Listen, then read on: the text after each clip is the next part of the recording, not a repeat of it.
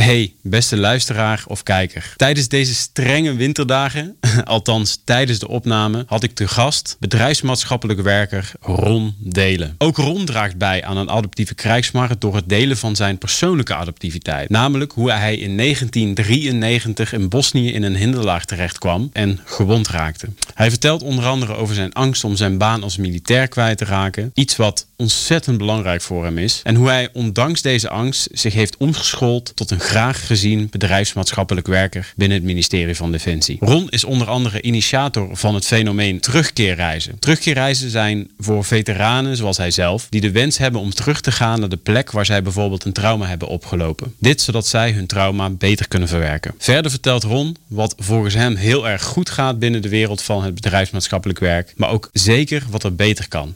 Heb jij genoten van deze podcast? Doe ons team dan een plezier. Like, deel of reageer dan even. En voor diegenen die de podcast te lang vinden, check dan de beschrijving voor een hoofdstukindeling waar jij naartoe kunt springen. Beste luisteraar, geniet van deze inspirerende podcast met Ron Delen. Het ministerie van Defensie. Een bedrijf met gepassioneerde, trotse en talentvolle mensen. In deze podcast verbinden wij deze mensen zodat ze samen sterker worden.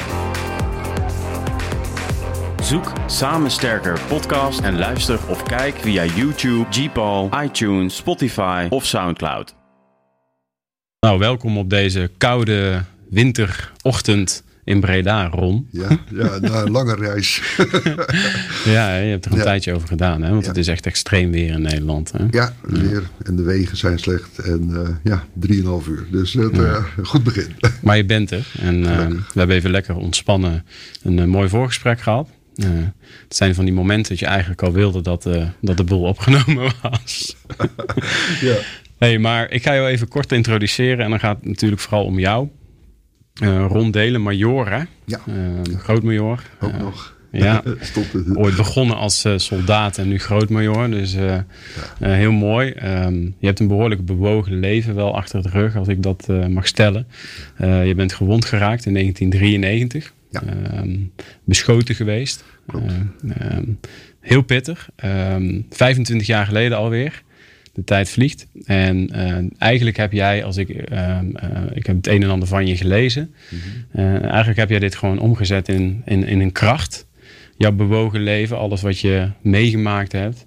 En dat, dat zet je nu in als jouw werk als bedrijfsmaatschappelijk werker. Ja. En daar inspireer je mensen mee, daar help je mensen mee met psychosociale uitdagingen. Um, en dat is ook een van de redenen wat je allemaal doet wat ik van je gehoord heb. Uh, je bent ook geïntroduceerd door een, een, een, een gemeenschappelijke bekende van ons. Ja. En uh, die vind je ook inspirerend en jouw verhaal inspirerend. En dat is degene waarom ik, uh, de reden waarom ik graag met jou in gesprek ga. Helemaal goed. Ja, ja? Dus als ik, um, ja, als jij op een feestje staat en je zou jezelf voorstellen. ja. Hoe, hoe stel jij jezelf dan voor? Goh, dat is een goeie. Wie, wie is Ron? Ja, zeg ik al, Ron Delen, 56 jaar. Ik uh, ben gelukkig getrouwd uh, met, uh, met Yvonne. inmiddels 18 jaar samen en vijf jaar getrouwd. woon in Apeldoorn.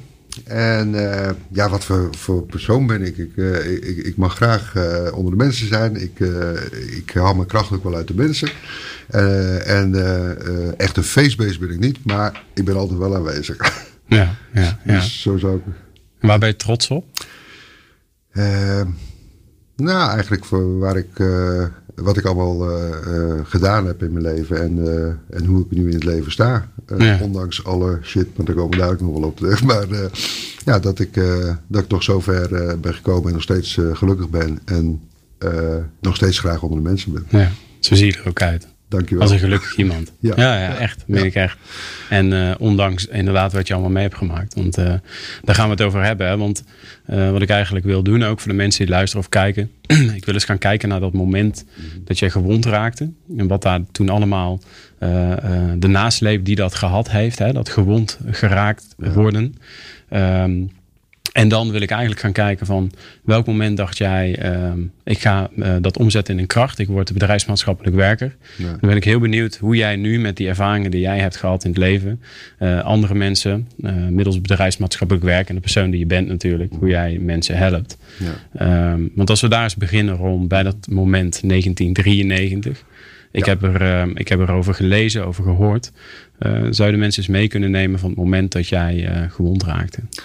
Ja, dat is uh, nou, inderdaad in 93. Ik was uh, uitgezonden uh, naar Bosnië met uh, Umpervor. En ik zat op dat moment van, de, van het ongeval, zat ik ongeveer drie maanden in, in Bosnië. Het was een, een periode nog van eigenlijk de, de strijdende partijen, alle drie de partijen, de Serven, de moslims en de Kroaten, hadden onderling nog steeds een oorlog. En ja, dus uh, we werden ook, uh, ook regelmatig uh, beschoten. Wat deden wij? We gingen humanitaire goederen vervoeren. en ik was op dat moment plaatsvervangend pelotonscommandant van een konvooi. En een konvooi is een peloton tientonners. Allemaal dienstplichtige jongens als chauffeur. En we gingen van Centraal Bosnië naar Kroatië de spullen ophalen. En we moesten ze weer terugbrengen naar de ja, warehouses of naar de lokale bevolking. Uh, die dag, dat was al een week waar het uh, uh, steeds grimmiger werd. Het was koud, regenachtig. we gingen opstellen, vooral de parkeerplaats, om, om erheen te gaan. En toen begonnen de, de ellende begon al dat mijn pelotonscommandant zijn radio kapot had. En dan zal je zien wat er dan gebeurt. Normaal rijdt hij voorop. Ik ben een tweede voertuig, omdat ik de opvolgend pelotonscommandant was. En daarachter de tientonners. Uh, maar doordat hij geen radio had, zei ik van joh, ik rij wel voorop. En uh, dan kan jij met de portofoon kunnen we elkaar toch bereiken. Maar dan kan je beter achter, in het, uh, of achter mij gaan rijden dan voorop rijden. Nou, Jij offerde jezelf op, zeg maar. Ja, offerde op. Er was er niet eens over nagedacht. Je deed het gewoon. Hij had een kapotte radio. Dat is onveilig. Dus jij wordt tweede auto en ik hou de eerste auto. Want ik heb al een radio. Ja, ja. logisch. logisch. Doen we. Helemaal niet over nadenkend uh, dat er iets fout zou kunnen gaan. Ja, toen zijn we weggegaan. En uh, ja, dat was... Uh, nog geen eens 40 minuten dat we reden. En uh, uh, we hoorden al op de achtergrond wat, wat schietgeluiden. Maar dat moet je voorstellen, allemaal bergen. ene kant grasland, linkerkant berg. En dat wisselt elkaar om met een, sling, een slingerend wegje. En we, we, hoorden die knallen wel, maar dat hoorden we wel dagelijks. Dus we reden gewoon nietsvermoedend door. Voor ons reden nog een, uh, een Deens uh, eh, UNHCR voor. Dat waren burgers uh, die met ook nog grotere auto's vlak voor ons reden. En we komen om een berg heen naar links toe. En op dat moment werd het knallen steeds harder en harder. En voor ik het in de gaten had, sloeg de eerste kogel door de vooruit heen, door mijn linkerarm, waarop die brak en naar achteren schoot. En ja, dan, dan begint de ellende. gelijk de, de, radio die ik had roepen, gas geven, want we liggen onder vuur. Mm -hmm. En het vuren werd steeds erger en erger. er stond een, een soort kiepauto met een, ja, een erop waar een, een groot geweer naar rechts aan het schieten was. Waar naartoe weet ik niet. Mm -hmm. Daar moesten we omheen. Toen zien we een tientonner van uh, die uh, Denen staan. Ja. Met een, een, chauffeur die helemaal naar gort wordt geschoten. Op dat moment gaat weer een kogel door de vooruit. en weer door mijn arm heen. En nou, dat, dat deed zo gruwelijk zeer dat ik mijn arm pakte en een beetje naar voren boog. En toen kwam er nog een derde kogel door mijn hoe heet het, uh, dak van mijn auto. En die ging door de achterkant uit, door mijn kopsteun. En gelukkig dat ik pijn had, want anders had hij door mijn hoofd heen gegaan. Want je maakte jezelf klein, ja. omdat je pijn had. Ja, ja. En nou, ja. wat ik toen nog niet wist, is uh, ja, wat daarna gebeurde. Want het enige wat ik voor ogen had, is, is, is weg hier, weg, we moeten ja. rijden. Dus gas geven. wij gaven gas. En ik had het ook geroepen door de radio. Dus ik hoopte maar dat de chauffeurs achter mij dat ook deden. We zijn doorgereden. En nou, op een gegeven moment dan krijg je een, een ja, wijziging in het terrein. Aan de rechterkant werd die berg in één keer en aan de linkerkant grasland, na een bocht. En daar zag ik wat burgers lopen. Ik denk, nou, daar moet het dan wel redelijk veilig zijn. Als die uh, lokale bevolking daar loopt, dan zullen ze daar wat minder schieten. Dus ik stop en ik roep uh, de ziekenauto naar voren, om, omdat ik gewond was. En ook even te kijken van, zijn er meer gewonden of zijn we er allemaal überhaupt? En ik stap uit, de ziekenauto komt naar voren. Worden we weer onder vuur genomen. En weer instappen. En toen zijn we een kilometer of vijf doorgereden. totdat er een, een tweetal Engelse panzervoertuigen, warriors, aankwamen. Waarbij één bij ons bleef als beveiliging en de andere terugreden om te kijken naar dat front van wat is er nou uiteindelijk misgegaan. je zeg, wat een verhaal. Ja, en, en, en, dan ga je kijken van wie staan er allemaal. Dan zie je de jongens. En, uh... want, want, een stukje terug hoor, want wat ging er door jou heen? Hè? Want uh, je beschrijft nu uh, twee stappen eigenlijk. Je wordt beschoten, je wordt nog een keer beschoten. Je zegt gas geven, je wil stoppen. Dat gaat niet, er is nog gevaarlijk. Je gaat vijf kilometer verder, want je wil een plek om verzorging te krijgen ja. zoeken. Ja. Je wist nog niet of jij, kan me voorstellen, de enige was die gewond was. Dus, hè? Nee. Wat ging er toen door jou heen? Was je, was je bang? Nee, nee. Ik, ik was meer bezig met uh, het pijn doet, het bloed wat eruit schiet. Uh, en mijn jongens. Van, uh, komt iedereen wel mee?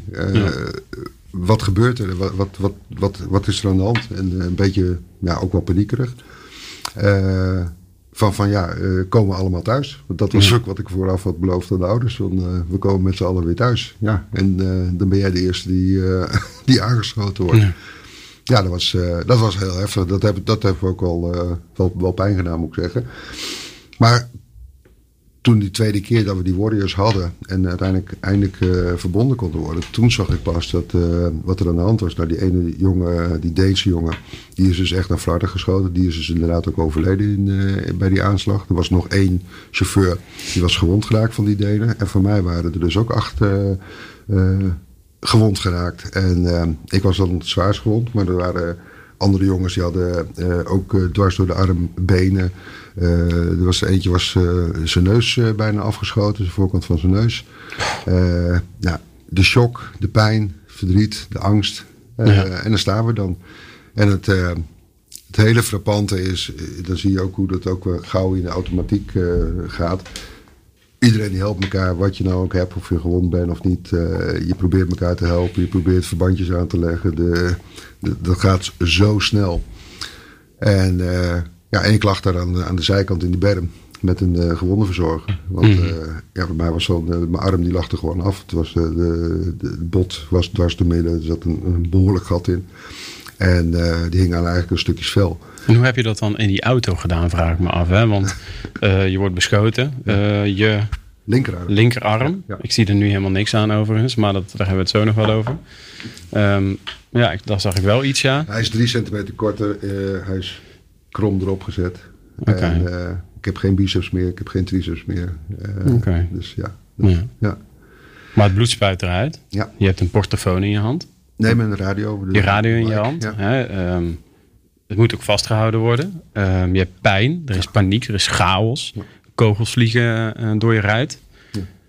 Um, hoe heb je dat stuk van dat, die eerste, dat eerste schot totdat je daar verzorgd werd, hoe heb je dat overleefd?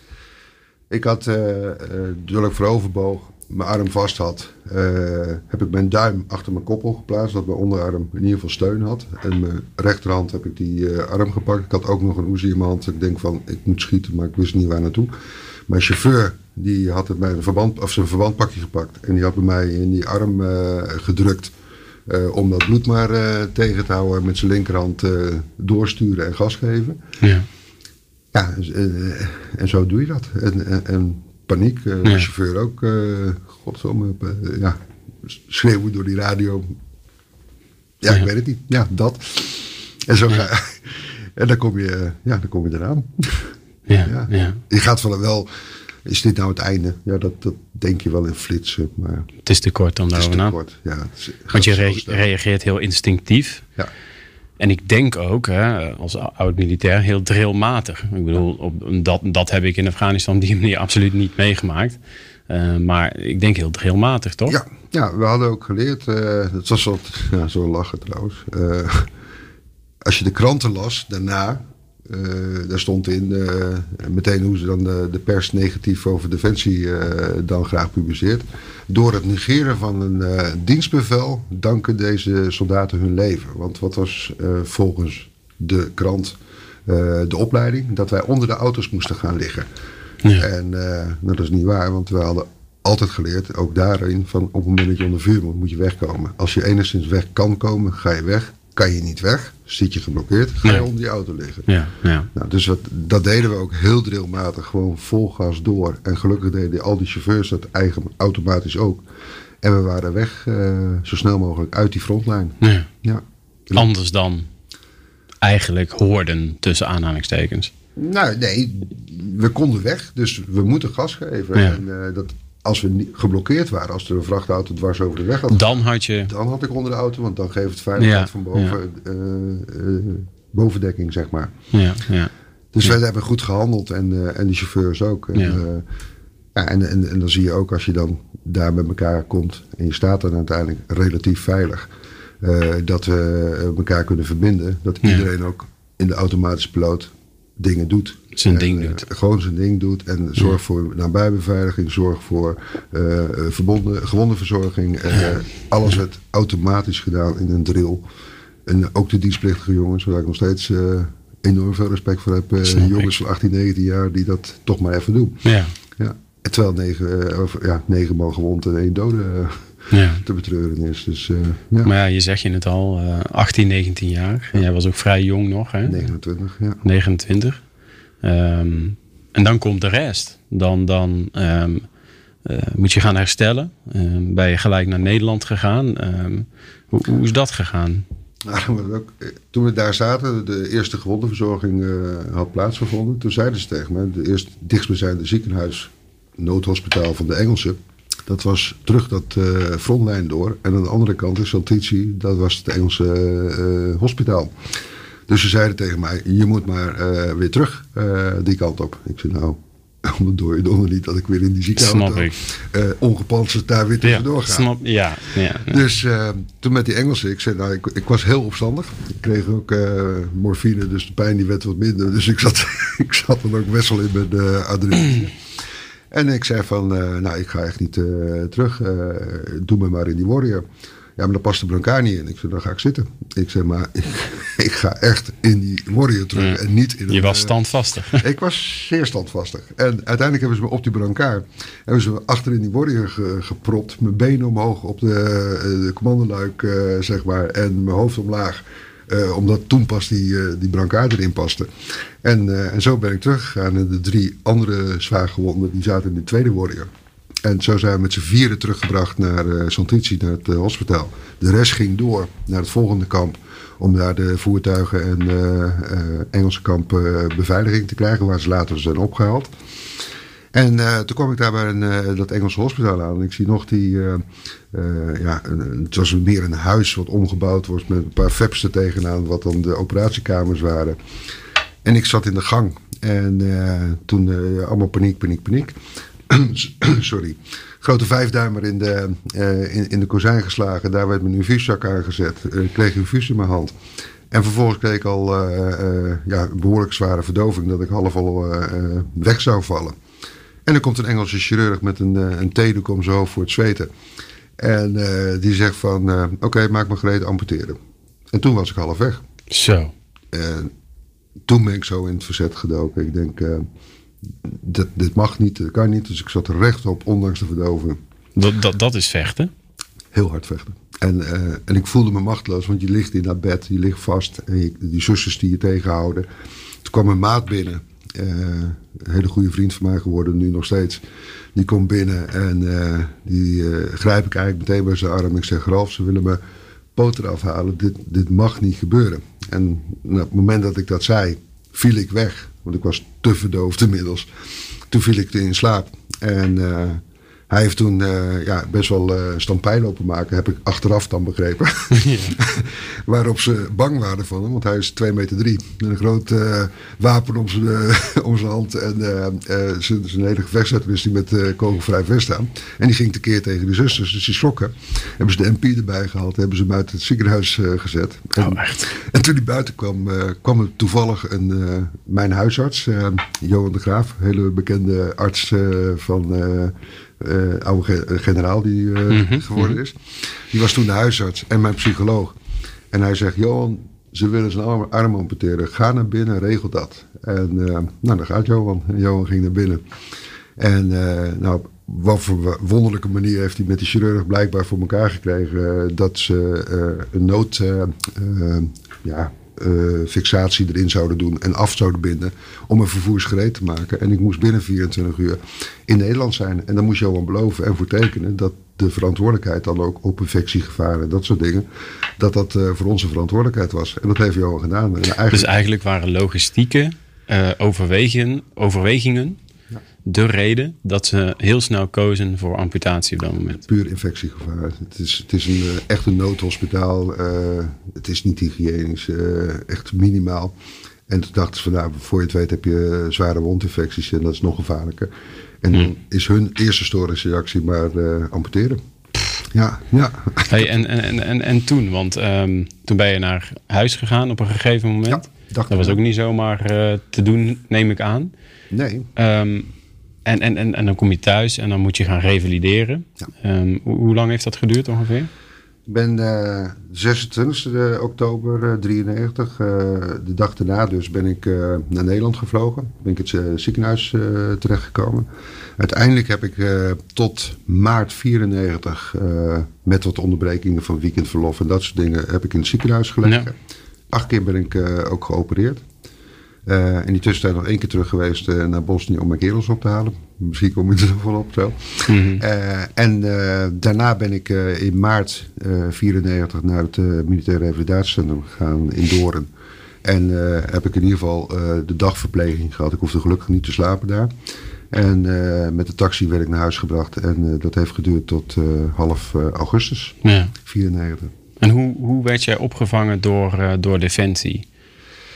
Nou, dat is, dat is heel verschillend. Uh, want opvang, medisch, ik, ik, heb altijd gezegd medisch, dus zowel het ziekenhuis als het uh, revalidatiecentrum, alleen maar lof. Alle lof, die mensen die zijn zo professioneel geweest, uh, hebben eigenlijk alles geregeld wat er te regelen valt om het bij mij maar beter te krijgen en zo goed mogelijk mm -hmm. weer gerepareerd te krijgen. En dat begon dan met de chirurg in het ziekenhuis, die, die, die uiteindelijk toen ik aankwam, ja, eigenlijk mij een beetje geruststelde. Eerst een nachtje liet slapen voordat hij wat ging doen. En, en uiteindelijk heeft hij met, met ja, hele rare praktijken andere jongen erbij gehaald om te kijken hoe ga ik het repareren en uh, hoe, hoe zetten we hem weer in elkaar.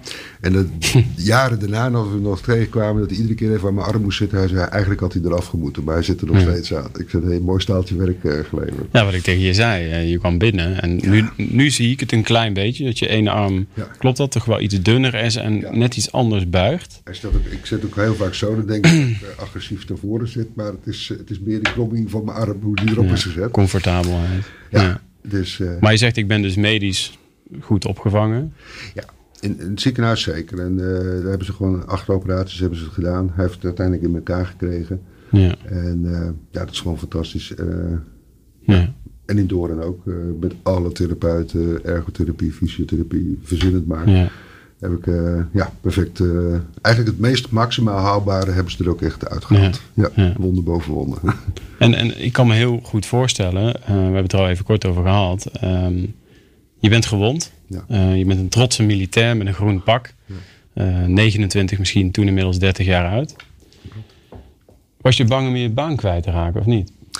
Dat is de grootste angst geweest. Eigenlijk de hele angst die uh, eigenlijk tot vorig jaar nog steeds speelde. Ik, 24 jaar later dus. Ja, nog langer, ja, 65 jaar. Ja, ja. inderdaad. Ik, uh, ik was heel bang en dat was ook uh, mijn angst. Je bent 29, uh, getrouwd, nog geen kinderen. Je wilde wel kinderen hebben. En je denkt van, mijn hele leven stopt. wat moet ik nou in godsnaam? maar voor drie danslessen. Ik, ik wist het niet meer. En als je wat mankeert, weet je, weet je ontslagen. Daar was ik bang voor. Mm -hmm. Dus ik was ook heel blij toen in het ziekenhuis nog. was in november eh, zeg ik dat goed? Ja, november 93 was uh, uh, Redus de Beek uh, bij mij. Want ik heb al weet ik hoeveel generaals aan mijn bed zien komen. En als je dan over opvang hebt. Al die generaals die beloofden van alles. grote berg, gouden bergen. Mm. Van, dat komt allemaal goed. Maar als het puntje bepaald kwam, kwam er niks goed. Nee. En toen kwam de minister. En toen heb ik ook tegen hem gezegd. ik zeg van joh, ik zeg... Hij zei, wat zou ik voor u kunnen doen? Ik zei, nou, u bent sluitpost denk ik in deze uh, serie van mensen die ik langs mijn bed heb zien komen. ik wil militair blijven. En welke minister was dat op dat moment? Uh, Wij, uh, Reders de Beek. Uh, het is groen en het is lelijk, stond in de poort. Ah, okay. hij heeft dit ja. wel gedaan. Ja. Hij heeft het toen uit, ook uitgesproken. Hij zegt, kosten wat het kost, u blijft militair. En toen stond Cousy erachter. Dan draaide hij zich om, generaal Cousy. En hij zegt, generaal, heeft u het gehoord? Deze man die blijft militair. Regelen. Regelen. nou, en die stond al een beetje vreemd te kijken. En mijn chirurg, en dan kom ik ook op de chirurg. Hij deed meer dan alleen mijn uh, armen repareren. Hij hoorde dat. Ik zou toen, na dat bezoek, gelijk geopereerd worden. Ik had al de premedicatie gekregen. Uh, hij zei, Ron, ik kom later even terug. Hij zegt, uh, we gaan niet opereren. Ik zeg, wat, wat gaan we doen dan? we gaan niet opereren. Dus oké, okay, prima. Hij gaat wat regelen. Komt een uur later, komt hij terug. Hij zei, we gaan een persconferentie geven. We zijn uh, met mijn bed en die drie andere chauffeurs die ook gewond waren, zijn we naar de kantine in het CMH gereden. Ik lag in mijn bed nog half stoned van alle medicatie. En toen had hij alle ANP, uh, schrijvende pers, alles had hij uitgenodigd. En toen zei hij, nou, wat ik dan zo fantastisch vind, is dat minister De Beek, deze sergeant, zijn, uh, zijn baan heeft uh, beloofd en dat hij militair kan blijven. Nou, dat stond dus in iedere krant. En de dag daarna kreeg ik een spreekverbod. Toen mocht ik, toen mocht ik niks meer, geen programma's meer bezoeken. Ik mocht niet zeggen dat het eruit kwam, want ze hadden een uitdaging om mij in dienst te houden. Ja. En dat voelde ik. Dat heb ik al die jaren heb ik dat enorm gevoeld. Ik kreeg wel toen op een gegeven moment toezegging dat ik mocht omscholen. Mm -hmm. dat was inmiddels al een paar maanden later in Doorn. Want, want je was een militair die eigenlijk niet meer inzetbaar was. Nou, ik was militair bij de logistiek aan en afgetroepen. Ja. En uh, dat kon niet meer, want ik mis mijn uh, biceps, ja. ik uh, mis mijn triceps, mijn arm is natuurlijk... Ik heb en je hebt als militair natuurlijk je vaste basisvaardigheden, basisvaardigheden ja. en daar kon je niet meer aan voldoen. Nee. Dus jij een, was een van de eerste waarvan de minister had gezegd... deze man, ondanks de beperking, blijft militair. Klopt. Ja. ja. en dat was voor mij heel fijn. Ja, dat was de ja tuurlijk. Ja, ja. ja, alleen dan moet het ingevuld worden. En ik dacht, ja, logistiek, dat gaat niet meer. En uh, toen lag ik in het ziekenhuis en toen, wat krijg je daar ook? Uh, medisch maatschappelijk werk. En dat was Jannie de Bruin, ik vergeet het nooit meer. Uh, hele aardige dame, die bezocht al de patiënten in het ziekenhuis. En er kwamen steeds meer gewonden, dus ze had ook veel meer te doen. Mm -hmm. En we zaten zo te praten, wat zou je dan willen? Mijn angsten had ik ook wel, wel verteld. En toen zegt ze, wil je geen maatschappelijk werker worden? En toen al in dat ziekenhuis, ik zeg ja, ik zeg, maar dat is toch HBO? Ja. Ik zeg, maar ik heb maar voor een drie danslessen. dat, dat kan, dat kan, zegt ze. Dan moet je alleen een toelatingsexamen uh, doen. En, en Ja. er is toevallig een open dag in Culemborg, daar was haar opleiding ook. Gaan we dat regelen? Dus ik heb een DVVO-taxi eh, besteld. Ik ben naar, eh, eh, naar de open dag gegaan met een extra spuit morfine voor de pijn. Uit het ziekenhuis, rechtstreeks naar Culemborg, was toch om de hoek. Kijken naar die open dag. En toen kon ik met een toelatingsexamen, als ik boven de 21 was, kon ik eh, een HBO eh, beginnen. Dus Ja. eh, ik zei tegen die man, ik zeg, nou, ik zeg, wanneer is dat? Het was inmiddels april, eh, 94. En hij zei, nou, volgend jaar mei. Ik zei, zo volgend jaar mei. Ik zei, dit jaar mei, is dat er niet? Mhm. Ja, maar meneer, dat is over vijf weken. Ja. Ik zei, ja, maar niet geschoten is altijd mis. Want ik had inmiddels tegen Defensie gezegd, ik heb HAVO en ik eh, kan best die HBO doen. eh, want ik wist heel niet wat ik deed. En ik heb me echt zo er doorheen gebluft van, Ook mooi dat je dat nu zegt trouwens. Over jaar daarna. ja, ik, Het is goed. het is goed. Nou ja, toen ben ik eh, erin gegaan. En het was heel bijzonder. Toen moest ik die officierskeuringen doen. Daar ben ik goed doorheen gekomen. Eh, dus voor de officierskeuring was, was voldoende. Maar die HBO moest ik doen. En eh, toen zei ik, ik, zei, nou, ik ga over vijf weken. Dus ik heb tussen de revalidatietherapieën door... heb ik zitten leren, die vier vakken eh, gedaan. Daar ben ik voor geslaagd. En toen was het eh 12 augustus... op een vrijdag dat ik toen zei van... ik moet stoppen bij Doren. Mhm. MRC. Want 15 augustus, de dag daarna, ben ik bij de MDD begonnen. En als ik een herexamen had moeten doen, dan was dat pas 30 augustus geweest. Had ik een dag BV moeten vragen om eh, mijn herexamen te doen voor mijn toelating op de HBO. Ja. Dus eh, echt, ik heb me daar echt doorheen gebluft. Vanuit angst, dat was wel de, de onderliggende gedachte. De angst, als ik nu niet dit haal, heb ik niks meer. Ja. Ja. En dat was wel wanhopig hoor. Want wat, wat was in die tijd jouw state of mind? Want ehm, ehm, je bent beschoten geweest. Dat is niet niks. Ik kan me voorstellen, heel veel angst in je lichaam nog. Eh, Angst om eh, je baan kwijt te raken. Je bent ineens eh, beperkt. Ja. Ehm, dat is nogal wat op die leeftijd, de bloei van je leven. Wat was jouw state of mind op dat moment? Want je geeft al aan, ik ging die opleiding doen uit angst. Want Ja. je was bang heel veel kwijt te raken. Ja, dat was, dat was mijn grootste angst. Nog minder mijn fysieke gedeelte. Daar was ik mee bezig. Ik, dat denk ik, dat bouw ik wel uit. Dat lukt Mhm. ook aardig in, eh, in Doorn. Maar echt mijn, mijn, toekomstplaatje. Mijn Ja. vader was militair, zo ben ik ook opgevoed. Ja. En eh, ik wou niks liever dan bij Defensie blijven. En ik, eh, ik, ik zag het allemaal in duigen vallen. Ik denk, dat kan niet waar zijn dat ik op mijn dertigste iets anders moet gaan doen. En ik zou niet weten wat. Dit is wat ik wil. Ja. Dus ik heb daar heel erg op gefocust. En eigenlijk alles aan de kant gedrukt om dat doel maar te halen. En zo ben ik ook met die, eh, met die HBO begonnen. Ja. Vier, Ja. eh, jaar HBO eh, gedaan. Ja. met diezelfde gedachte. Dit moet ik halen. Terwijl ik best onzeker was. Ja. Kan ik het wel Ja. na mijn MAVO een HBO doen? Ik vond het toch wel een stap. Ja. Ja. Maar uiteindelijk is het gelukkig goed gekomen. En Als je hoe- maar een focus hebt. En hoe ging jouw omgeving daarmee om? Want ik bedoel, je bent met een HBO bezig. Je bent, je bent nog aan het overleven, letterlijk. Ja, dat, ja de, eh, mijn omgeving die, die, die verbaasd. Mijn ouders die hebben zich enorm verbaasd. Mhm. Die, eh, hij praat er nooit over van wat hij nou werkelijk is overkomen. Hij zit alleen maar eh, Ja. verder, verder, verder. Want je was alleen maar gas aan het geven, Ja. hoor ik. ja, Gas geven, alleen gas geven. gasgeven. Ik Ja. praat ook echt niet over, thuis ook niet van wat er allemaal gebeurd is. Nee, nee. Alleen als er een operatie was, dan werd er daarover gesproken, maar niet, niet over hoe dat is Mhm, gekomen, mhm. wat de oorzaak was. En, en ik ben alleen maar gas erop gegaan. En ik had ook eigenlijk weinig tijd, want A vroeg die studie best veel eh, tijd en eh, energie. Tegelijkertijd ging ik al werken, eh, stage lopen bij de MDD. Dus ik had ook al cliënten. Dat liep ook niet altijd even vlekkeloos. Ik was na drie maanden, had ik begeleiding op een kazerne. En toen werd die man door personeelstekort overgeplaatst naar een andere kazerne. En ik had de kazerne alleen. Na drie maanden gewond terug te komen, nog arm nog steeds op dat moment verlamd. En eh, met taxi werd ik erheen gebracht. En ik zat al cliënten te, te doen.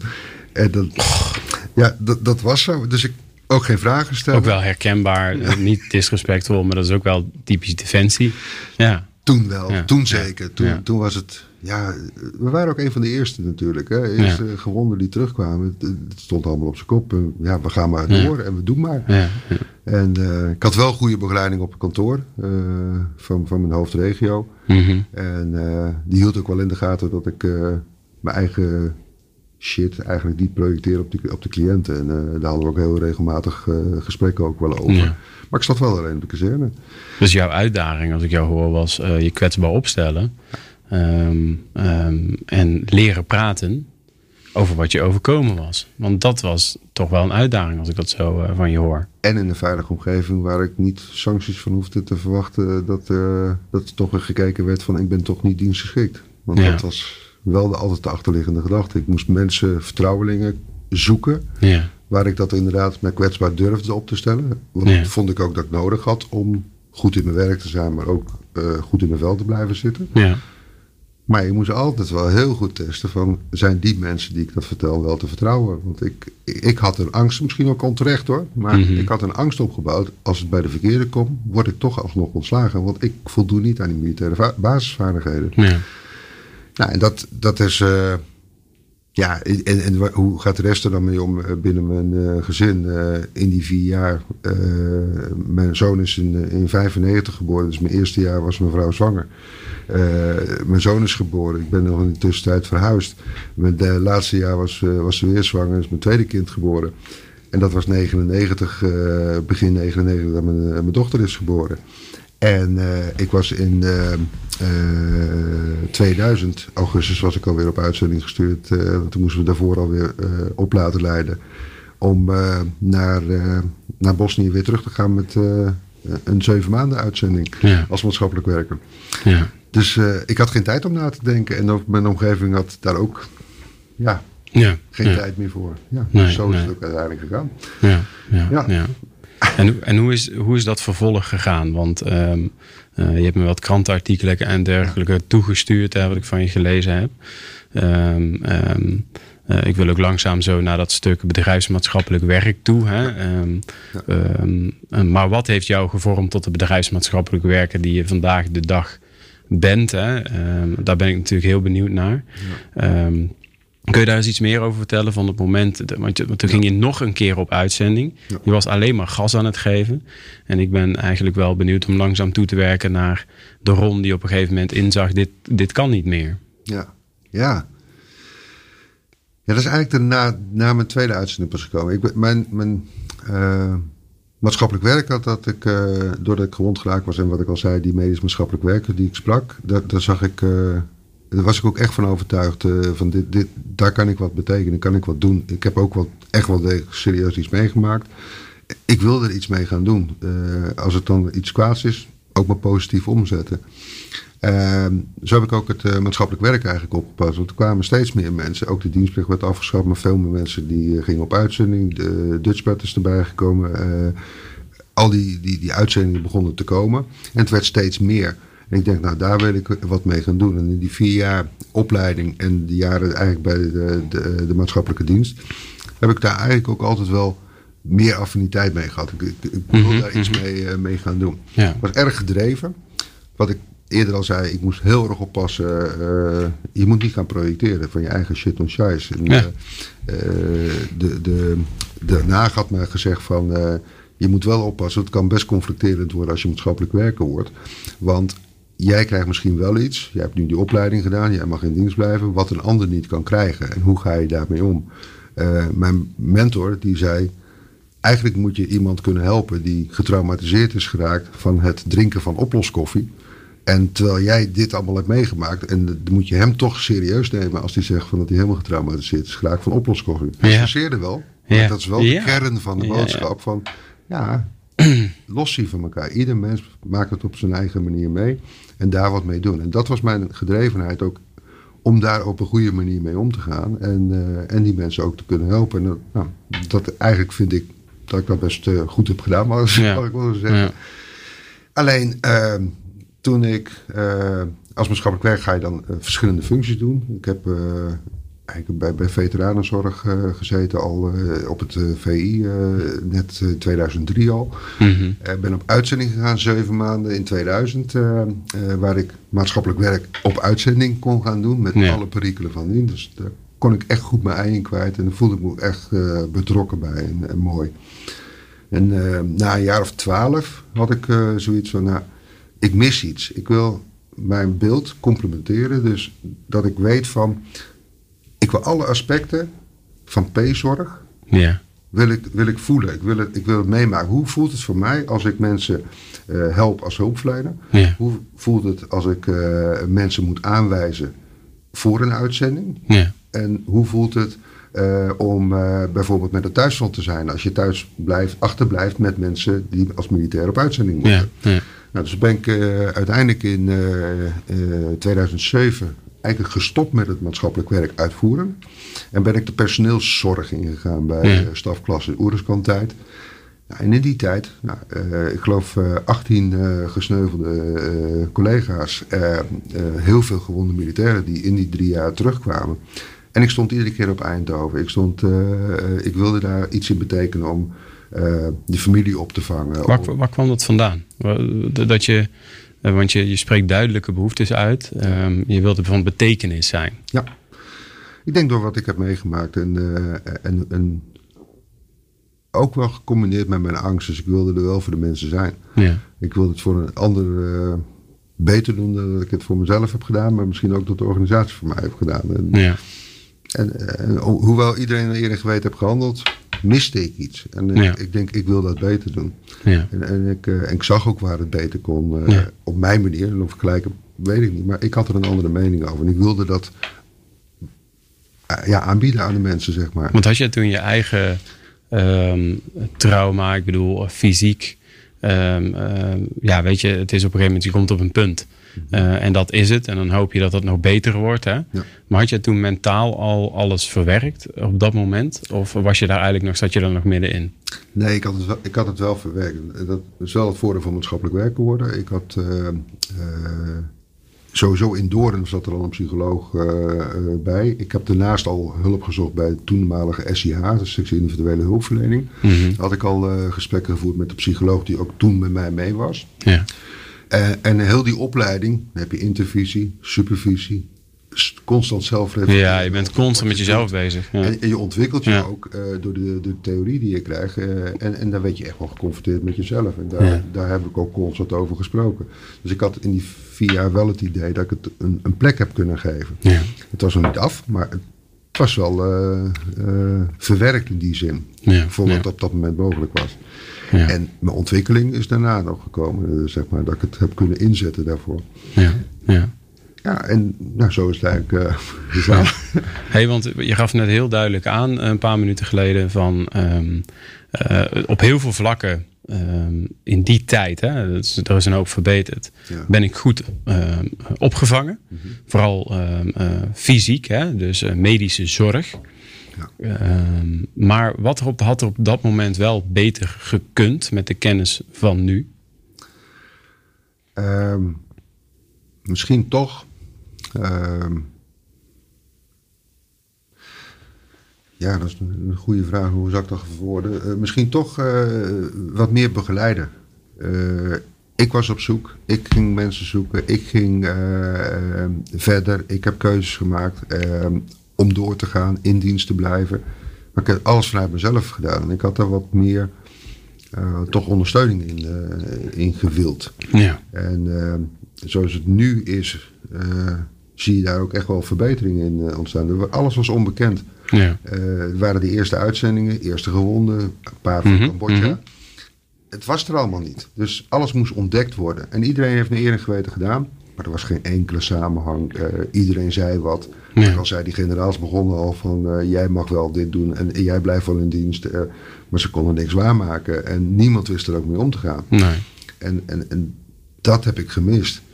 Kon misschien niet gegeven worden, omdat Ja, het niet ja. was. En onbekendheid. Maar dat heb ik wel gemist. Ja. En dat zie je ook. ja, hoe ga je met ver- vergoedingen om? Ik heb in, de, in Doorn gezien. Eh, op een gegeven moment mocht ik, dat is een heel mooi verhaal. Ik mocht, ik mocht gaan studeren. En met mij mocht er ook een andere van de marine, die ook gewond was uit Cambodja, mocht ook gaan studeren. En dan, eh, nou, dus eh, oké, wat heb ik allemaal nodig? Eh, Een computer. Ik had nog nooit van een computer gehoord. Ja, gehoord wel, maar nooit gehad. Oké, ik moet een computer hebben. Waar haal ik in vredesnaam mijn computer weer vandaan? En krijg ik daar wel geld? eh, hoe moet ik dat voor elkaar krijgen? Heb ik daar vergoedingen op? Nou, dan mocht ik de computer van de marinejongen overnemen, zijn tweedehandsje. Want hij kreeg van Defensie, leest marine, wel een computer. Maar de landmacht kreeg geen computer. Ja. Eh, we gingen naar eh, de BNMO toe. Wij zouden lid worden van de BNMO.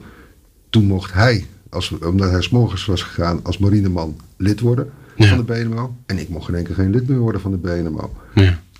Allemaal van dat soort kleine dingetjes die ergernis op ergernis en, en, en 0,0 begeleiding. Wij moesten op zoek, Ja, wij moesten ja. dat gaan regelen. En dat is nu wel veranderd. Dus Ja. er is meer bekendheid, meer eh, dat mensen eh, ja, hulp pakken, vragen eh, en het meer weten te vinden. Dat, Ja. is, dat is echt wel verbeterd. Want het werk van een BMW'er, Ja. laten we daar eens naar kijken. Hè? Dus even kort voor de mensen die bedrijfsmaatschappelijk werk. Ehm, met wat voor thema's kun je daar naartoe? Ja, eh, bedrijfsmaatschappelijk werk, het woord bedrijf zegt al dat je eigenlijk maatschappelijk werker bent binnen de organisatie Defensie. En daarom is het bedrijfsmaatschappelijk werk. Wij gaan ook, eh, we hebben militairen en burgers eh, binnen Defensie. Militairen die gaan ook mee op uitzending in het sociaal medisch team. En die ondersteunen de militairen, zeg. Ja, ja. Nou, wat doen wij? In, eh, in Nederland hebben we eh, psychosociale hulpverlening. Dus het is eh, de man, of de militair, in zijn gezin, in zijn omgeving, zijn welzijn. Dus gezinsproblematiek, in het werk problematieken, dat soort dingen, financieel, alles kunnen wij daarin oppakken. Militairen gaan mee op uitzending, die doen de militair op uitzending. En burgers hebben we dan ook thuis, eh, die ook bijvoorbeeld voor thuisondersteuning kunnen bieden. Ja, Dus dat, en waar kunnen ze mee komen? Overal waar ze in vastlopen. ja, Eh, anders dan zingeving, dan kom je meer op de geestelijke verzorging eh, kant op. Je hebt een probleem, hulpvraag en daar kunnen ze methodisch eh, antwoorden mee vinden samen. ja. Samen met de cliënt. Want waar ben je het meest trots op als je, ehm, en dan zul je andere mensen tekort doen, maar eh, dat er iemand dus met een hulpvraag bij jou terechtgekomen is. Ehm, en je dacht, ja, hier wil ik echt iets mee. En dat is ook een, uh, succes, dat is een succesverhaal geworden uiteindelijk. Vast veel meer, maar eentje waar je echt, waarvan je denkt, denk er vooral even kort over na. Mhm. Dat je denkt, ja, dat is waarom ik bedrijfsmaatschappelijk werker geworden ben. Ja, oeh. Nou, dan denk ik, wat de meeste indruk op mij gemaakt heeft in mijn tweede uitzending. Eigenlijk pal nadat ik uh, afgestudeerd was in 2000. Dat daar uh, uh, iemand vastliep tijdens de uitzending, een militair. En die, die aantal dingen, ongelukjes had gehad, noem het maar op. een beetje onheus bejegend is, gewoon de manier van opvang, van, mm-hmm. van, van nou, dat soort dingen. En dat ik uh, met zo'n persoon uh, een band op kan bouwen om daar ter plekke te zijn. Uh, voor elkaar kon krijgen dat de militair in het uitzend is gebleven met de problemen die er op dat moment speelden. Maar door het met elkaar te delen, door met elkaar erover te praten, mm uurtje per week praten, wel de uitzending heeft kunnen afmaken. En ik denk dat dat de kern van, van, van mijn boodschap is. Ja, ja. En hoe heeft jouw ervaring Um, uh, dat je grond bent geraakt daaraan bijgedragen, denk je? Ik uh, denk het contextuele, dat ik dat uh, door had. De, de, invloed op het thuisfront, de invloed op mezelf, de invloed op de organisatie.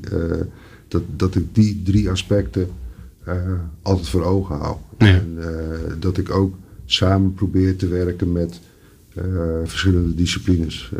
de psycholoog, de dokter, de geestelijke verzorger, ik dat was een team waar we samen keken naar het probleem. Niet Ja, ik alleen ja, als maatschappelijk werker, niet alleen de psycholoog, maar het samen aanpakken. En vertrouwen krijgen en oprecht zijn. Ja, want dat is een van de dingen hè, die ik eh, gelezen heb, wat je mij toestuurde.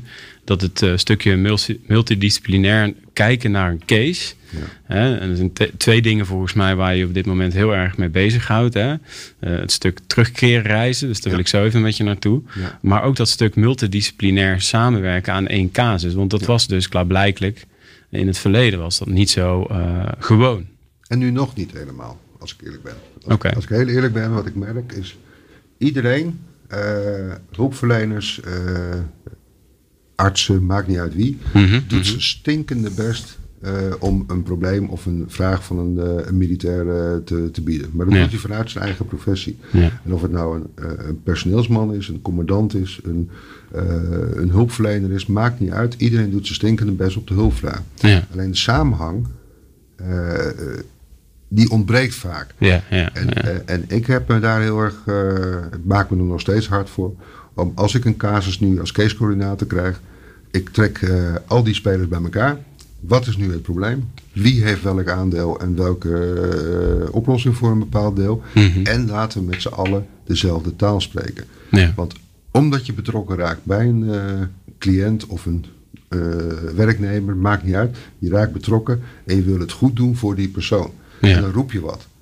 Maar past dat bij al die andere disciplines? Ja, ja, ja. Maar daardoor wordt er wel heel veel uh, kans is groot op, op onrust Ja. bij de mens. Je mag trouwens je microfoon gewoon naar je toe trekken ook. Sorry, Hoor. Als je- ja. Nee, maar als je Ja. anders wil zitten, dan trek je hem gewoon lekker naar je toe. Ja. Ehm, eh, want, want heb je een voorbeeld van ehm, als er niet multidisciplinair samengewerkt zou worden eh, in een bepaalde specifieke casus, dan sla je de plank echt mis. Uh, ja, dat zie je met name mensen die dus in en door de dienstjes hebben opgelopen. Vaak ja, mensen me- mentaal iets hebben opgelopen die uh, moeite hebben om de dingen te ordenen. En, Mag ik voor jou het water even trouwens? Ja, als je, thanks. om, die, eh, eh, om die man of vrouw eh, hulp te bieden. Dan zie je dat eh, een arts kan eh, dan eh, eh, een, een, inschatting maken van wat die eh, in, inzetbeperkingen zouden kunnen zijn. En eh, ja, die gaat hem beschermen. Ja. En die zegt, nou dan moet je, moet je op die manier gaan doen. En nou, dan betekent ze Zes weken thuis. zes weken thuis. Hoppa. Maar wat doen we dan zes weken thuis? Wie legt Ja. er contact met het gezin? Ja, hoe is het thuis? hoe is het met de kinderen? Ja. Hoe is het- nou, en dat ontbreekt dan. Ze kijken naar de patiënt of ze kijken naar de, eh, de hulpvraag van de persoon zelf, maar niet in de context waar hij leeft. Ja. ja. En, dat systematische of het systemisch werken, moet ik eigenlijk zeggen, sorry, Mhm. dat, dat ontbreekt dan vaak. En ik ben echt zo, zo iemand die trekt instantie alles bij elkaar en dan gaan we aan de slag. En Ja. dan vertellen we ook nee als het niet kan. ja, ja. Want dan hebben ze eerder recht op eh, ja, een eerlijk antwoord. dan valse hoop. Ja, ja, snap ik. Ja. Ja, dat, ja, dat, daar maak ik me keihard voor. En dat, En hoe doe je dat? Betrokken te zijn, eerlijk te zijn, ook zeggen wat er niet kan. Mhm. Dat, eh, hoe hard het dan ook klinkt, maar wel tegelijkertijd dan alternatieven bieden of perspectief bieden van wat er dan wel mogelijk is. Ja. En vaak dat ze dan door informatie compleet te hebben, wel een keuze kunnen maken of wel kunnen neerleggen bij beperkingen. Ja, ja, Maar onzekerheid maakt, valse hoop maakt stress. ja, ja. Dat denk ik echt. Eerlijkheid, duidelijkheid. Ja. Dat zie je bij casecoördinatie ook wel. Vroeger hadden we ook wel het beeld. Eh, als, case, als je bij de casecoördinator komt, dan moet je eigenlijk je pak al uittrekken.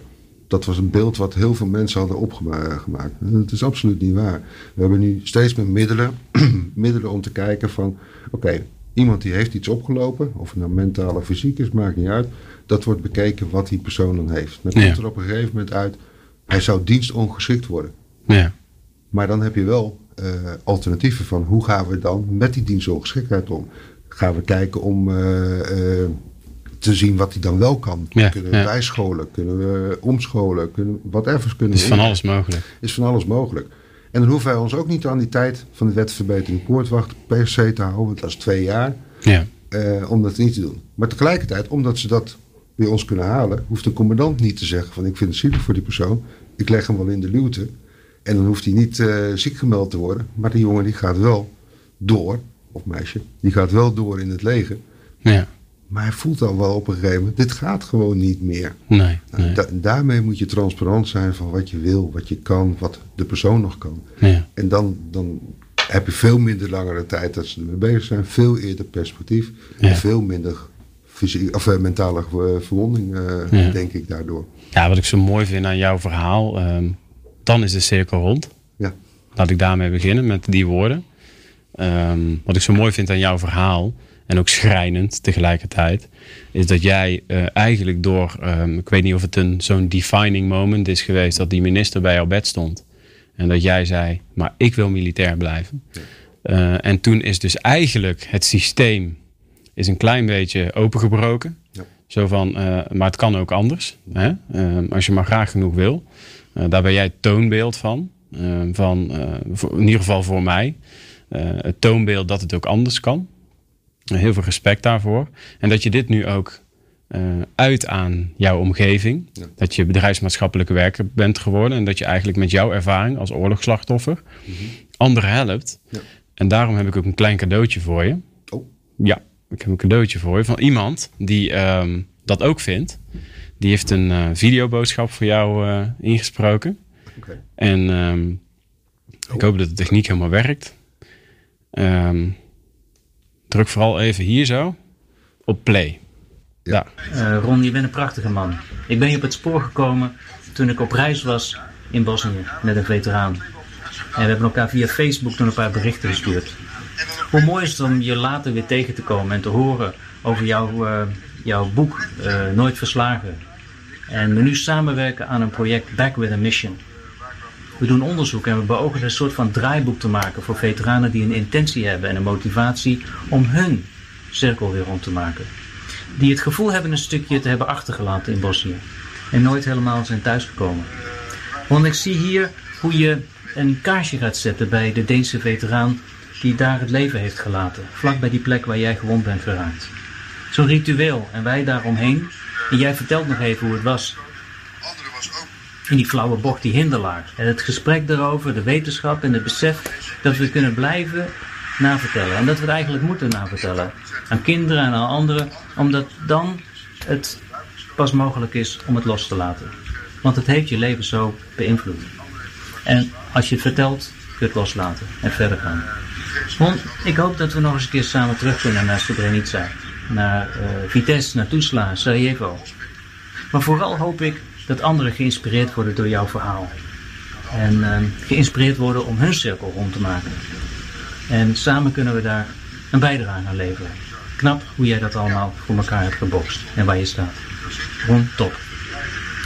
Dit is echt leuk. Dit is echt leuk. Het is een heel mooi cadeau. ja, ja dat, is, dat is zo. Ja. En dan weten de, ja, hoe wij eh, hoe elkaar de, leren kennen. Maar ja, dat we echt iets kunnen betekenen voor mensen. Met wie hadden we het genoegen? Erik Vermetter. Uh, hij is uh, uh, psychiater bij de Defensie, kolonel ook. Maar hij is ook bijzonder hoogleraar aan Erasmus Universiteit. En ja, met hem, hij doet van alles en nog wat en allerlei. Wat ik het mooie vind aan hem, innovatieve dingen doen. Hij, hij denkt buiten kaders. Hij, als het niet linksom gaat, dan proberen we rechtsom en desnoods rechtdoor. Maar hij zal altijd zoeken naar een oplossing. Ook al mag het niet of kan het niet, maar gaat het wel onderzoeken. En nou, toen kwamen we elkaar tegen in de, uh, op, ja, via de, de social media in uh, Bosnië. Ik was terug op dat moment uh, met mijn vrouw, mijn huidige vrouw, en mijn chauffeur van die tijd uit 93 met zijn vrouw. Om weer terug te gaan naar de plek waar we gewond geraakt zijn. En uh, die reis te maken. En ik ging, zeg maar, het is een cirkel. Ik ging linksom de cirkel op. En Erik bleek op dat moment met een andere veteraan rechtsom die cirkel aan het maken. En we hadden via uh, messageberichten hadden we elkaar op de hoogte gehouden. En na die tijd onze ervaringen daarin gedeeld. Het was zoiets bijzonders.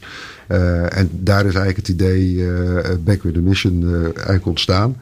Om te kijken naar wat, wat zouden we kunnen doen aan terugkeerreizen uh, hoe mooi zou het zijn als we mensen die dus vastlopen uh, hier in Nederland, uh, die niet een plekje kunnen geven, die niet een stukje zingeving kunnen geven aan een uitzending, hoe kunnen we die helpen door zo'n reis te kunnen aanbieden? En er waren wel meer initiatieven, maar nooit goed onderbouwd, wetenschappelijk onderbouwd van wat is nou de meerwaarde van een terugreis en hoe doe je dan zo'n terugreis? Wat ga je dan opzoeken? Hoe, mhm. moet je dat organiseren?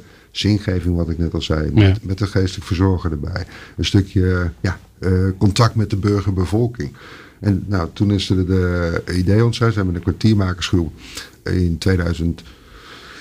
Even kijken, 19 zijn wij toen naar. Uh, uh, zeg ik dat nou goed?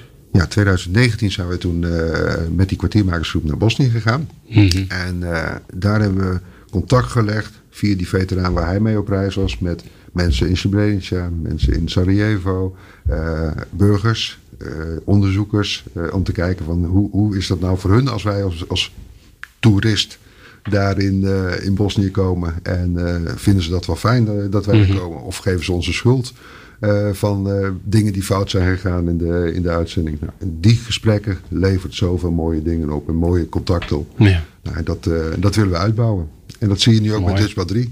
Mooi. Ja. Ik hoor hem net zeggen, de cirkel is rond. Ja. En uh, toen ik net naar jou zat te kijken, terwijl je het filmpje zat te kijken, ja. klopte dat ik, uh, dat ik onwijs veel uh, emotie zag bij je, terwijl je dat filmpje zat te kijken. Ja, ja dat, doet me, dat doet me wel wat.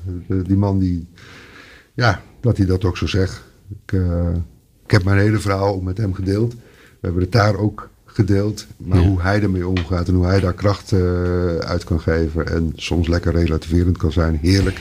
Ja, ik heb respect voor die man. En, uh, mm Maar nu leg je het bij hem neer. ik ben vooral heel benieuwd. Uh, ik zit hier met een bedrijfsmaatschappelijk werker en die denkt, ah, daar, komt hij hoor. Nee, maar ik, ik ben, kun, je die, kun je eens woorden vormgeven aan die emotie die ik net zag bij jou? Want vervolgens ging je heel veel praten over wat terugkeerreizen eigenlijk zijn. En daar wil ik nog een paar vragen over stellen. Als je dan over de cirkel rond uh, praat. Uh, ik denk dat nadat ik gewond ben geraakt, die cirkel rond is, dat ik ook inderdaad die droom die ik had. Uh, om uiteindelijk met die verwonding om te gaan en met mijn toekomst in te vullen. Dat het eigenlijk ook wel gelukt is. Als ik het eerlijk. Het kan altijd beter, kan nog steeds meer. Maar tot nu toe hebben ze het, uh, heeft het best uh, veel gebracht. En dat zie je ook. Ik moet nog drie jaar en dan ga ik met FLO. maar ik heb echt wel uh, die dingen kunnen doen die ik wilde doen. Ik heb de dingen gezien die ik wilde zien. En ik, ik zie nog steeds kansen, ook met Erik, dit te gaan doen. Of... Dus je hield je eigen wonden? Ja, ja. Je ja. bent nog steeds 25 jaar na dato je eigen wonden aan het helen met prachtige ja, initiatieven. Ja, dat, ja, ja, ja, eigenlijk wel. Ja. En ik krijg de kans gelukkig. Dat vind ik heel mooi. En ik pak de kans. Dat is misschien nog mooi. Ja. ja. Hey, want die uh, terugkeerreizen, Ron, hè, als je daar naar kijkt. Um, uh, wat is de meerwaarde van een terugkeerreis? We kunnen het invullen, maar wat is voor jou de meerwaarde van een terugkeerreis? Nou, als je op uitzending bent geweest, het zijn meestal niet de gebieden van uh, de vakanties, uh, zeg maar. Dus uh, daar, er is een hoop ellende, een hoop shit. Dan kom je terug en, en dan ga je afvragen na jaren van... heeft het zin gehad dat ik überhaupt op uitzending ben geweest? Nou, dan, dan is het gewoon goed als je naar zo'n terugkeerreis ziet van... wat zijn de ontwikkelingen in zo'n land? Zijn er verbeteringen? Hoe hebben de bevolking daar het ervaren die toen in de oorlog zaten? Mhm. Hoe hebben die dat ervaren dat wij daar waren? wij vullen vaak in, het hoor je heel veel op tv, zie je het ook wel, uh, dat veteranen heel vaak denken van, ja, ze zullen wel pissig op ons zijn, want wij zullen wel foute dingen hebben gedaan. Blijkt als je gewoon contact maakt met mensen, dat het een hele andere, uh, andere dimensie krijgt. Ze, Mhm. waren, ze wisten dat ook wel, maar voor hun was het ook oorlog. Ja. En wat betekent het dan voor hun? En als ik zie, uh, we zijn in Srebrenica geweest, een, een, een arts, uh, Branka, uh, een fantastische vrouw die al 25 jaar de weduwe van uh, Srebrenica heeft begeleid. zowel psychosociaal, maar ook economisch, ook Hmm. eigen opbouw weer. En, en die vrouw hoor praten en dan zie hoe die vrouwen veerkrachtig zijn. Dat ze alles verloren zijn. Mannen, zonen, niets anders over hebben dan een braakliggend stuk terrein, kapotgeschoten huis. En na 25 jaar ook weer toekomstperspectief Ja, zien. ja, Daar kunnen wij ook wat van leren. En daar kunnen we ook kracht uit halen. En als je elkaar vindt, geeft het ook een stukje zingeving. En uh, ja, mooi. Dat, dat maakt het mooi. En dat hield, dat hield ook die terugkerende militair veteraan. Ja. Dat ook. Je moet het wel met begeleiding doen. Ga niet zomaar op de borrel voor je erheen. Nee. Want dan ga je alle shit en scheiß opzoeken. Ja. Maar je kan het dan nog niet een plekje geven. Ja, en dat, dat, door wat wij nu een, een draaiboek maken met een soort basis waar je uh, aan zou kunnen voldoen. We leggen niks op. Maar waar je aan zou kunnen voldoen. Dan geeft het en zingeving. Er is opvang. Er is uh, uh, collegialiteit waar je met lotgenoten dit kan delen. Je verhaal kan vertellen. En het de plek kan geven. Ja, want ga maar eens, ik, ga maar eens vragen stellen aan eh, de bevolking. Vragen stellen is één. Maar het antwoord wat je kan krijgen Moet is twee. Ja, daar moet je ook wat mee. Ja, Ja. ja. En, dat, en dat vind ik wel heel mooi. En, en, en, nou, wij hebben dat geprobeerd en we gaan dat onderzoek ook, eh, ook afronden daarin. eh, met ervaringen van, eh, van groepen die we gaan begeleiden. Mhm. Wat het dan inderdaad voor hun betekent. Dat het niet zomaar zinloos even een reisje, een toeristisch reisje is, maar dat het echt een betekenisvol, betekenisgevend terugkeerreis is van een uitzendgebied in een hele zware periode. Wat een mooi initiatief zeg. Ja, ik vind het, ik vind het heel mooi. Echt heel mooi. En je, ja, rijk, je wordt er rijker van. Je wordt Ja, er echt rijker zie het van. aan je, Ja, ja. ja. En ik zeg al, ik, eh, misschien na van nou, ik weet het niet, maar het, is to- het stopt niet. Nee, jij gaat door. Ik, ik ga iets doen. Jij gaat doorvoeren. Ja, Ja, hè? ja, ja, ja. Heb jij een voorbeeld van jouw eigen terugkeerreis, wat je wilt delen met de mensen, hoe dat jou ehm, geholpen heeft? Ja, dat, dan refereer ik naar de eerste reis die ik eh, heb gemaakt in 2008. Toen ben ik met mijn ouders gegaan. Mijn ouders die waren toen, eh, eh, moet ik even niet liegen, maar jaar als, eh, richting de 70. Eh, ze, werden wat, ze waren nog redelijk fysiek in orde, maar ze worden ouder. En omdat ik in die periode 2007 eh, bij de personeelszorg zat, was ik gewoon dagelijks bezig met gewonden en met overleden militairen. En Ja. aan de dingen aan het regelen. Dat Ja. kregen ze zijdelings van mee. Maar daardoor ontstond er bij mijn ouders eigenlijk een soort, ook een, een, een soort uitgestelde PTSS-klachten. Dat Ja. ze het steeds moeilijker begonnen te vinden en te begrijpen van wat, wa- waarom vertelt Ron er niks over? Waarom, wat is er nu aan de hand? Ja. Hoe- en ze kregen er nog steeds meer moeite mee. En toen zei ik van we gaan terug. En toen zijn we teruggegaan naar, eh, naar Bosnië. En eh, ik heb een reis gepland. Ik heb eh, gewoon een hotel geboekt, auto gehuurd. En we zijn gewoon die routes aan het afrijden gegaan. Met mijn ouders. En mijn huidige vrouw. Want die had het ook nog nooit meegemaakt. Nou, en door dat te zijn, door het te voelen, door het eh, ja, te ruiken. Echt alle zintuigelijke Ja, mooi, waarnemingen. Hebt het tot op de dag van vandaag heeft ze dat eh, beter een plekje kunnen geven. En, Ja. en nu zijn ze fysiek niet meer in staat om erheen te gaan. Maar ze denken nog steeds terug. Jeetje, dat was wel zoiets moois. Hoe helpt dat jou dat dat hen helpt? Ja, eh, dat, dat helpt mij ook. Eh, ik voelde me wel schuldig naar mijn ouders af en toe. En dat ik, dat ik ook niks had verteld. En, Ja. eh, en 20 jaar, eh 25 jaar niks had verteld. En dat, ja, Dus er, er is meer ehm, begrip ja, en jullie spreken meer dezelfde taal. ja. En dat is ook wat mij mijzelf altijd wel heel veel pijn heeft gedaan. achteraf, dat weet je toen niet. Ik had die focus, wat je net ook al zei, de focus lag op doorgaan. Maar ik heb nooit erover gepraat. Ja. En 25 jaar later heb ik er pas over gepraat. En als je dan nu gaat kijken dat ik pas sinds 2019 ehm, ook voor mezelf het traject heb opgestart. Ja. eh 25, 26 jaar na dato. eh, dat ik nu pas geregistreerd zat als eh, oorlogs- en dienstslachtoffer. Ja. Dat ik nu pas de voorzieningen krijg die, eh, die ervoor stonden. En eh, ik was bij, bij, bij de Invictus Games. En toen dacht ik, eindelijk ben ik nu pas één van hen. Terwijl ik hulp heb gegeven, zorg heb verleend. Nu pas tel ik ook mee in die eh, cirkel. En dat was voor mij de opening, de bevestiging ook dat ik naar mijn cliënten toe het juist heb gezien, de juiste weg ingeslagen ben. En hoe belangrijk het is om het te doen. Want ik heb best wel eh, te lang mijn verhaal binnengehouden. En Ja. ik vind ook echt, mensen moeten de kans krijgen om een verhaal te doen. Ja. Tuurlijk, zoals ze het zelf aan kunnen, maar hun moeten hun verhaal kunnen doen. En er moet er respect voor zijn. Ja. En voor iedereen is het anders. Trauma van koffie, waar we het net al ook over hadden. Of zwaar gewond of een collega verloren. Je moet je verhaal doen. Het is, het is belangrijk werk. En vrijheid, dat is wel mooie one-liners. Vrijheid is niet zo, krijg je niet zomaar, is niet voor niks. Nee, dat, daar leveren ze wel een bijdrage aan. En dat ja, maakt mij ook een trots. Nog steeds ben ik ook trots. Ja. Militair nog steeds. Ja. ja. Wat heeft dat jou gebracht nu je er echt mag zijn? Ehm, meer zelfrespect, denk ik. Ehm, misschien ook wel legitimatie, weet ik niet. Ja, ook wel. In je werk. In mijn werk, ja. Ja. ja. Ik voelde het wel aan de ene kant naar buiten toe, maar niet in, in mezelf. Dat voel ik nu wel. Ja. Ja. Practice what you preach. Ja. Ja? Ja. Ja. Mooi. Het is wel, ja, ja, ja, ja, dat is het wel.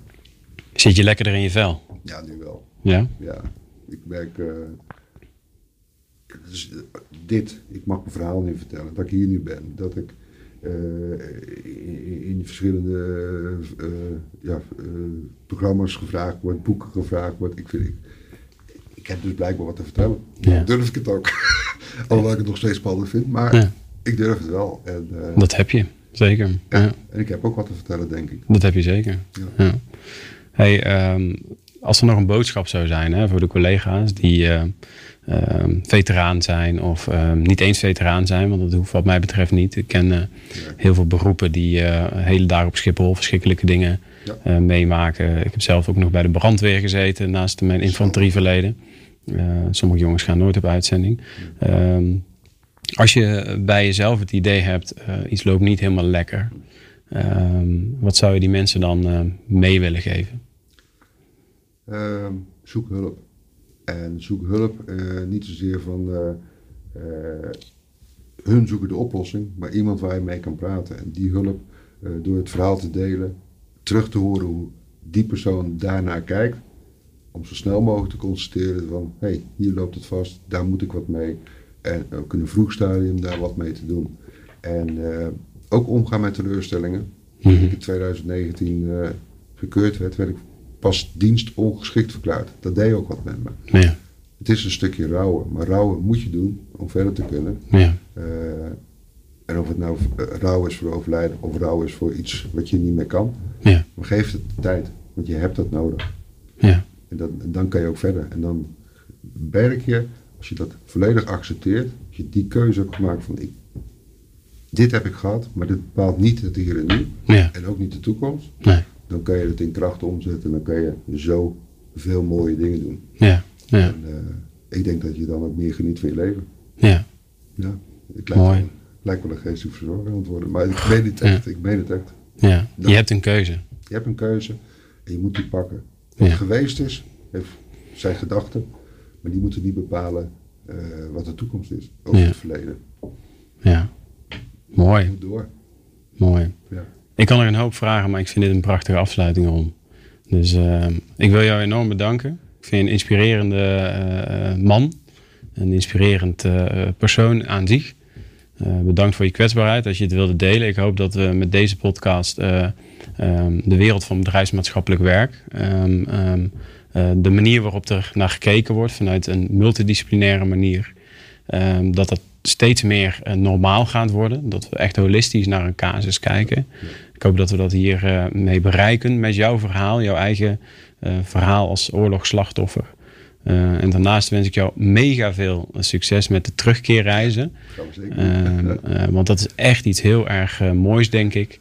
Om toch weer even naar die situatie te kijken, terug te gaan, je omgeving daarin mee te nemen.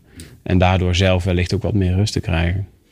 Ja, en ik hoop dat het voor die uh, Dutch 3 uh, onderzoek wat eruit is gekomen, dat het weer aanbevolen is dat we voor die mensen, die 850 Dutchbatters, ja. ook iets kunnen doen. Het zou zo mooi zijn ja, om, ja. Uh, om, die betekenis te geven dat ze ook eindelijk een keer rust krijgen ja, na die moeilijke periode. Heel praktisch, hoe kunnen mensen, um, als je terugkeerreis zou willen, Um, hoe, waar meld je je dan aan? Is er al een website of is er al iets? Nee, er is, er is uh, uh, niet een website. Wat terugreizen zoals die eerder gedaan werd, nog zonder die wetenschappelijk onder, onderzoek van uh, Erik Vermetter, was altijd al dat je het via het Nederlands Veteraneninstituut je kan aanmelden en aan gaan geven dat je daar belangstelling voor hebt. En hun kijken met een aantal, aantal geestelijke verzorgers, mm -hmm. ook BD'ers, van welke mogelijkheden zijn er. Okay. Afghanistan is om veiligheidsredenen gewoon niet te doen. Maar Bosnië, Libanon, uh, Indonesië, uh, die hebben ze al wel een aantal mogelijkheden die ze vanuit het NLVI uh, kunnen organiseren. Ons onderzoek geeft die wetenschappelijke onderbouwing en die geeft een soort draaiboek van zo moet het eruit zien. En we hopen in de toekomst dat we dat ook uiteraard delen met het Nederlands Veteraneninstituut Ja. en met Defensie van hoe gaan we dat dan organiseren. Ja, ja. Als een veteraan postactief dat wil gaan regelen, altijd naar het Nederlands Veteraneninstituut. ja, En daar met iedere vraag over dat soort dingen kunnen ze daar terecht. heel mooi. Ja. Hey, dankjewel. En eh, ik Jij wens jou eh, eh, een kortere terugreis van, eh, vanuit hier van de studio weer terug naar huis. Dat hoop ik ook. Maar jij ook heel erg bedankt. En Heel graag gedaan. dat was superleuk. Yes, dankjewel. Oké.